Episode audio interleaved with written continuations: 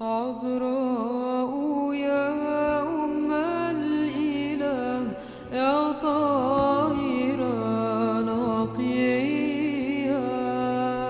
La det forgjengelige lys fra din åpenbaring skinne i våre hjerter, o menneskekjære Herre.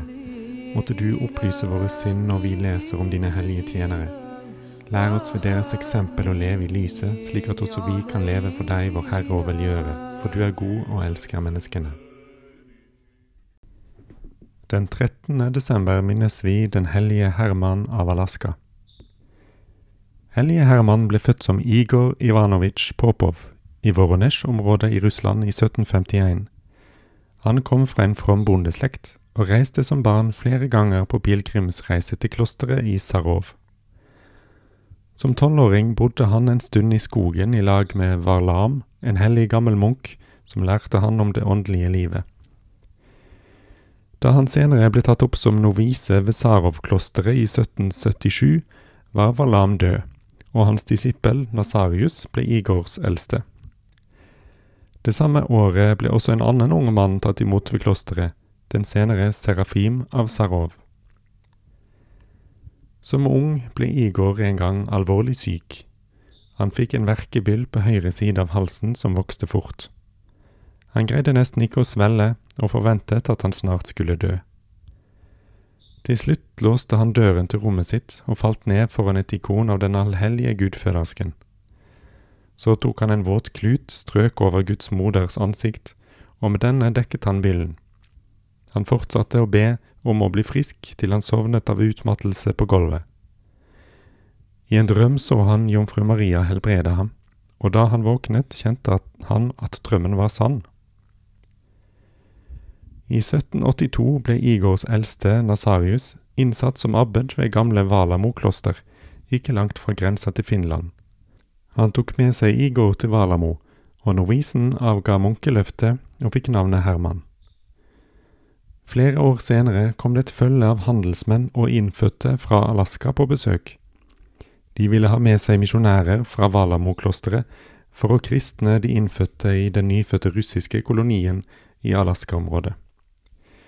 Og Herman var en av de tolv munkene som ble plukket ut av hellige Nasarius. Reisen på 1200 mil tok 293 dager med skipet De tre hierarkene. Den nå 43 år gamle Herman skrev brev til Nasarius i Valamo-klosteret. Hellige Fader, jeg kommer aldri til å glemme din faderlige godhet mot min svakhet. Heller ikke vil jeg glemme den ugjennomtrengelige villmarken i Sibir, de mørke skogene eller de store elvene.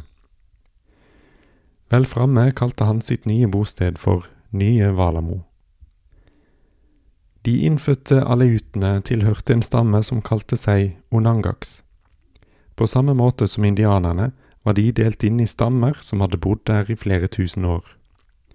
De var mestere i å padle med kajakk, og jaktet og fisket til livets opphold. Deres tro inkluderte Den store ånd, og de trodde på sjamaner og tre verdener, en høy verden uten natt, vår verden, og underverdenen. Onde ånder trodde de også på.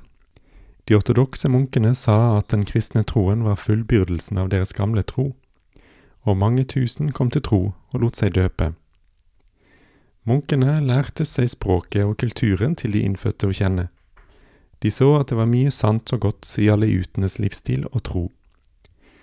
Men de ble sjokkerte da de så hvordan de russiske landsmennene for fram. De behandlet både aleutene og munkene dårlig. De stjal treverk fra husene til de innfødte hvis de trengte ved, og tvang dem til å jakte for dem. Sjefen deres, Baranov, levde selv i luksus, men ga ikke munkene eller de innfødte noe. Bare spott og forakt ble gitt. Munkene utholdt tålmodig vanskene som Kristus selv, og forkynte evangeliet for alle som ville høre. Etter å ha holdt ut i fem år dro lederne for misjonen tilbake til Russland for å rapportere om den onde Baranovs handlinger. Da de skulle vende tilbake til Alaska, sank skipet deres, og alle om bord døde. Da tok Baranov de resterende munkene i Alaska til fange og sa at de ikke lenger fikk ha kontakt med de innfødte. Så døde munkene én etter én, og til slutt var det bare hellige Herman igjen. Herman rømte nordover, til den adskilte øya Spruce Island. Han ønsket å vie seg til det asketiske livet som eneboer, i faste og bønn. Han gravde en hule i bakken som han bodde den første sommeren. For vinteren ble det bygget en liten hytte for ham. Om høsten plukket han sopp i skogen og saltet og tørket dem for vinteren. Han lagde en hage der han plantet poteter og kål og andre grønnsaker. Han fisket også litt i sjøen og greide på den måten å overleve. Men hans nye hjem ble snart oppdaget. Både russere og alle uter kom for å besøke munken på nye Valamo. Herman hadde omsorg for alle, men tok seg særlig av de innfødte, undertrykte av kolonister som de var. Han forsvarte dem mot overmakten når han kunne, og hjalp på alle måter. I et brev der han ba om støtte til aleutene, kalte han seg selv en ydmyk tjener for de lokale folkeslagene. Gjennom sin vennlighet, medfølelse og hellighet viste han aleutene hvordan en sann kristen er. Han startet skole for foreldreløse aleuter, og på søndager og helligdager samlet han de innfødte i et kapell han selv hadde bygget, til bønn og sang. I kirken lærte han aleutene å lese bønner og bibeltekster. Aleutene elsket å lytte til Herman når han forkynte Guds ord for dem. Etter hvert fikk Herman disipler som ville etterligne hans liv. Gerasim og Sofia var navnet på to av dem. Nå etter påske var det en ung dame på rundt 20 år på besøk som aldri har vært her før. Etter at hun fikk høre om inkarnasjonen og om det evige livet, ble hun så oppildnet med kjærlighet til Jesus Kristus at hun nektet å forlate meg. Hun ba meg i lang tid og overbeviste meg om å ta imot henne som disippel, skrev Hellige Herman. Sofia hjalp med skolebarna og ble værende på øya til Hellige Hermans død. I 40 år ble Hellige Herman værende på Spruce Island. Etter mye askese og bønn ble han skjenket flere overnaturlige gaver fra Gud. Disippelen Gerasim fortalte at han ved en tilfeldighet hadde sett Herman bære en stokk som normalt ville ha krevd fire mann.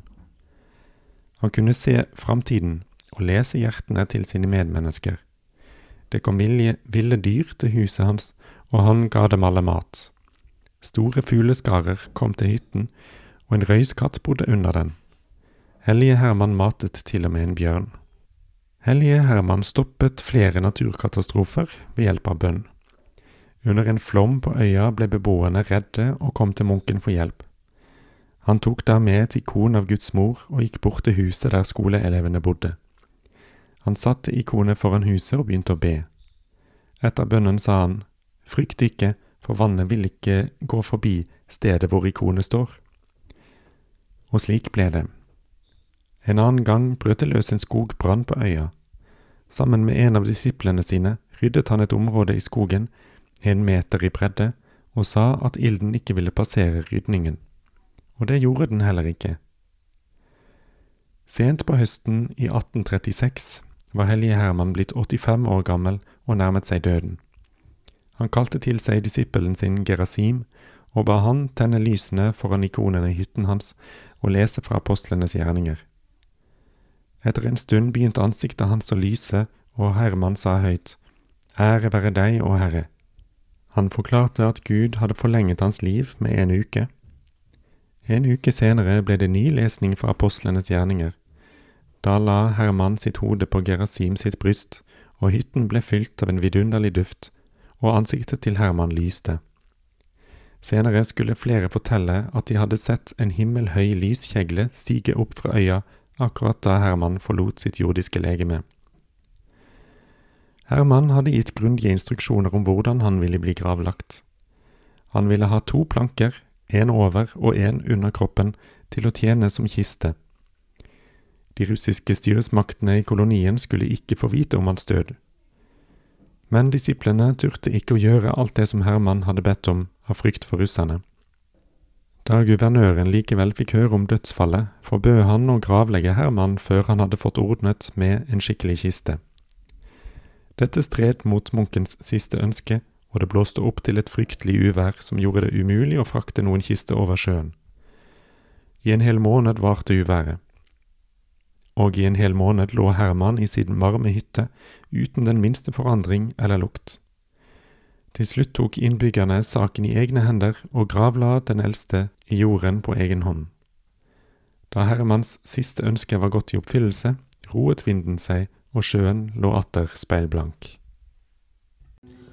عذراء يا أم الإله يا طاهرة نقية بدينة فارج صلي